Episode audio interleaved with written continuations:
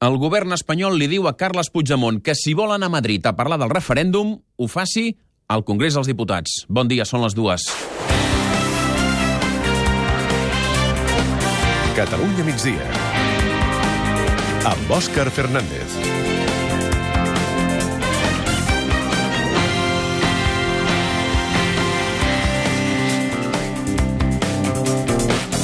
Avui és divendres i això vol dir que hi ha Consell de Ministres i a la roda de premsa posterior ha comparegut la vicepresidenta Soraya Sainz de Santa Maria. El motiu? La conferència que Carles Puigdemont ha de fer a Madrid dilluns per explicar el referèndum. Sainz de Santa Maria li ha dit a Puigdemont que si vol anar a Madrid explicar el referèndum, que no cal que vagi a l'Ajuntament, que ho faci a les Corts Generals, al Congrés dels Diputats, i que obri allà el procediment per reformar la Constitució i encabir-hi un referèndum d'autodeterminació. Anem al Palau de la Moncloa, que és on acaba de parlar, de fet encara s'està fent la roda de premsa posterior al Consell de Ministres, on acaba de parlar Soraya Sáenz de Santa Maria. Jordi Prats, bon dia. Hola, bon dia. Ha parlat la número 2 del govern espanyol que ha convidat el president Puigdemont a debatre la seva proposta de referèndum al Congrés, com en el seu dia ha insinuat ho va fer l'ex-Lendakari Ibarretxe. Allí diu pot intentar convèncer els grups parlamentaris de la necessitat de reformar la Constitució per donar cabuda a la consulta. Tot i que Sainz de Santa Maria ja ha avançat que no anirà a la conferència de dilluns de Puigdemont a Madrid, sí ha reptat al president acceptar la seva invitació. Encara La no tenim... pregunta es si el señor Puigdemont está dispuesto, siguiendo las reglas de nuestra democracia, a plantear su propuesta ante las Cortes Generales. Ara sí, eh, no sabem encara la reacció del govern català a aquesta proposta de Soraya Sáenz de Santa Maria. En tot cas, de moment, està, encara es manté aquesta conferència que ha de fer el president Puigdemont dilluns al Palau de Cibeles, que lloga l'Ajuntament de Madrid. Abans d'aquesta proposta del govern espanyol, el Partit Popular ja havia començat a escalfar l'ambient de cara a aquesta conferència a l'Ajuntament. Carlos Baraibar, bon dia. Sí, ho ha fet amb una campanya amb el títol de Encibeles, No Encibeles, que ha presentat aquest matí Andrea Levy amb altres cares conegudes com Albert Boadella. En què consisteix aquesta campanya a Madrid, Lali Ferrer?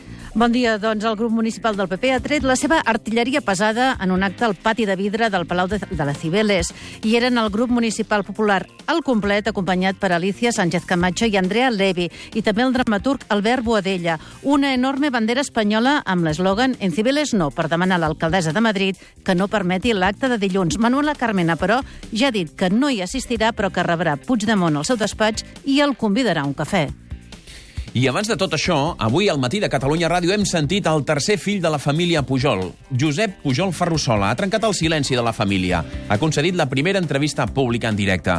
Josep Pujol ha explicat moltes coses al matí de Catalunya Ràdio. Per fer-ne una tria en destacarem algunes. Per exemple, que no pot posar la mà al foc pels negocis del seu germà gran, Jordi, que el seu pare ja era un home ric quan va arribar a president de la Generalitat, que els diners famosos de l'avi Florenci provenien de negocis no negres però tampoc blancs, grisos, podríem dir, i que la seva mare va destruir documents per amagar on eren els diners de la família. La mare les va, les va destruir.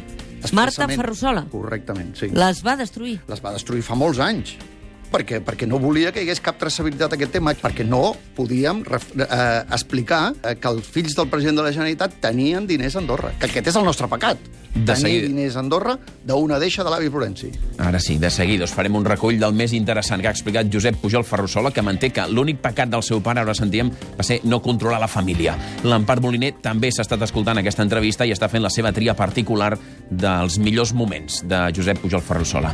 En el cas del guàrdia urbà que va aparèixer calcinat al seu maleter, els Mossos s'inclinen més a pensar que va ser un homicidi i no un assassinat premeditat, segons ha pogut saber Catalunya Ràdio. Si la hipòtesi quadraria amb el crim matusser, podríem dir, en què no van tenir en compte com de fàcil seria identificar el cos o el cotxe, entre altres coses. Els dos acusats haurien reaccionat violentament quan la víctima els hauria amenaçat de fer pública informació comprometedora sobre ells. I el cas del fundador de Wikileaks, de Julian Assange, es mou. Avui hem sabut que la justícia sueca ha arxivat la causa contra ell per suposats abusos. Assange s'amaga des de fa 5 anys a l'ambaixada de l'Equador a Londres perquè amb el pretext d'aquests càrrecs la policia sueca i britànica el perseguien per finalment extradir-lo als Estats Units. De tota manera, la policia britànica ha avisat que si surt de l'ambaixada el detindran als Estats Units. Vol capturar Assange per la filtració de milers de documents secrets de la seva administració. I a l'Iran, avui és dia d'eleccions. S'enfronten dos models, mantenir l'aperturisme de l'actual president Rouhani o bé el conservadorisme de l'alternativa, Ebrahim Raisi. Ja queden poques hores perquè tanquin les urnes i tot fa pensar que la participació serà elevada. Enviada especial a Teheran, Montse Sánchez. Bon dia. Sí, sí, s'espera una participació molt elevada i l'interès dels iranians per a aquestes eleccions es nota en l'ambient, en el que t'expliquen i en el fet que no els importa fer 3 i 4 hores de cua per poder votar. I de la cultura, avui al Festival de Canes, la notícia del dia ha estat una fallada tècnica d'una de les pel·lícules produïdes per Netflix, quan tot just feia uns minutets que havia començat la projecció. Tot plegat passa, a més, en l'edició del festival que està marcada per la polèmica que aixeca Netflix. Hi ha qui creu que no s'hi haurien de poder presentar pel·lícules que s'estrenaran directament a la tele sense passar pel cine, com Pedro Almodóvar, i n'hi ha que sí. A Canes hi tenim l'Àlex Gorina, que estava present quan s'ha penjat la pel·lícula de Netflix, Okia. Àlex, com ha estat aquest moment? Doncs ho he viscut amb molt d'humor i curiositat. La sessió a priori més polèmica del festival ho ha estat finalment, i sobretot pels errors del projeccionista. Okia, de Bong Joon-ho, produïda per Netflix, ha començat, doncs, amb cridòria general. I quan passin 5 minuts de dos quarts de 3, serà el moment de la informació de territori, que és el més destacat avui a Barcelona, Quim Balaguer. Que han detingut un jove de 21, de 21 anys de Barcelona per haver-se intercanviat fotografies de caire sexual amb una nena de Terrassa de només 10 anys. I va contactar a través d'una aplicació de contactes on la nena, amb mòbil propi, s'hi va instal·lar l'aplicació i va fer-se un perfil.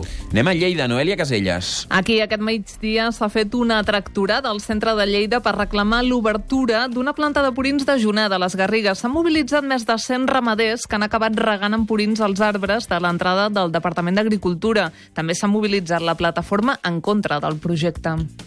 Anem a Tarragona ara, Ricard Buigas. Els municipis de la Terra Alta ho tenen gairebé tot a punt per retirar els monuments franquistes que segueixen en espais públics. Gandesa ja ha adjudicat les obres per enderrocar el monòlit franquista del Coll del Moro i també retiraran les creus dels caiguts de Vilalba dels Arcs i Horta de Sant Joan. I acabem a Girona, Fèlix Martín. Bon dia, destaquem que a Palafrugell han canviat d'alcalde fa pocs minuts després que ha prosperat una moció de censura contra el socialista Juli Fernández per 11 vots a favor i 8 en contra.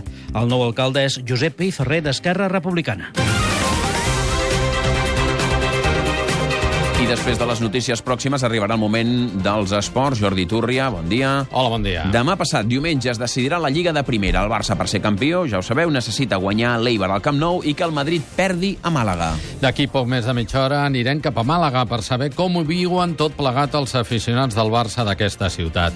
Però atenció perquè el Girona, a Girona es viurà el primer match ball per ascendir a primera divisió. El problema és que no depèn d'ell mateix. A tot això, avui jugant l'Espanyol, també el Nàstic, i ara mateix sessió d'entrenaments alemans del Gran Premi de França de motociclisme.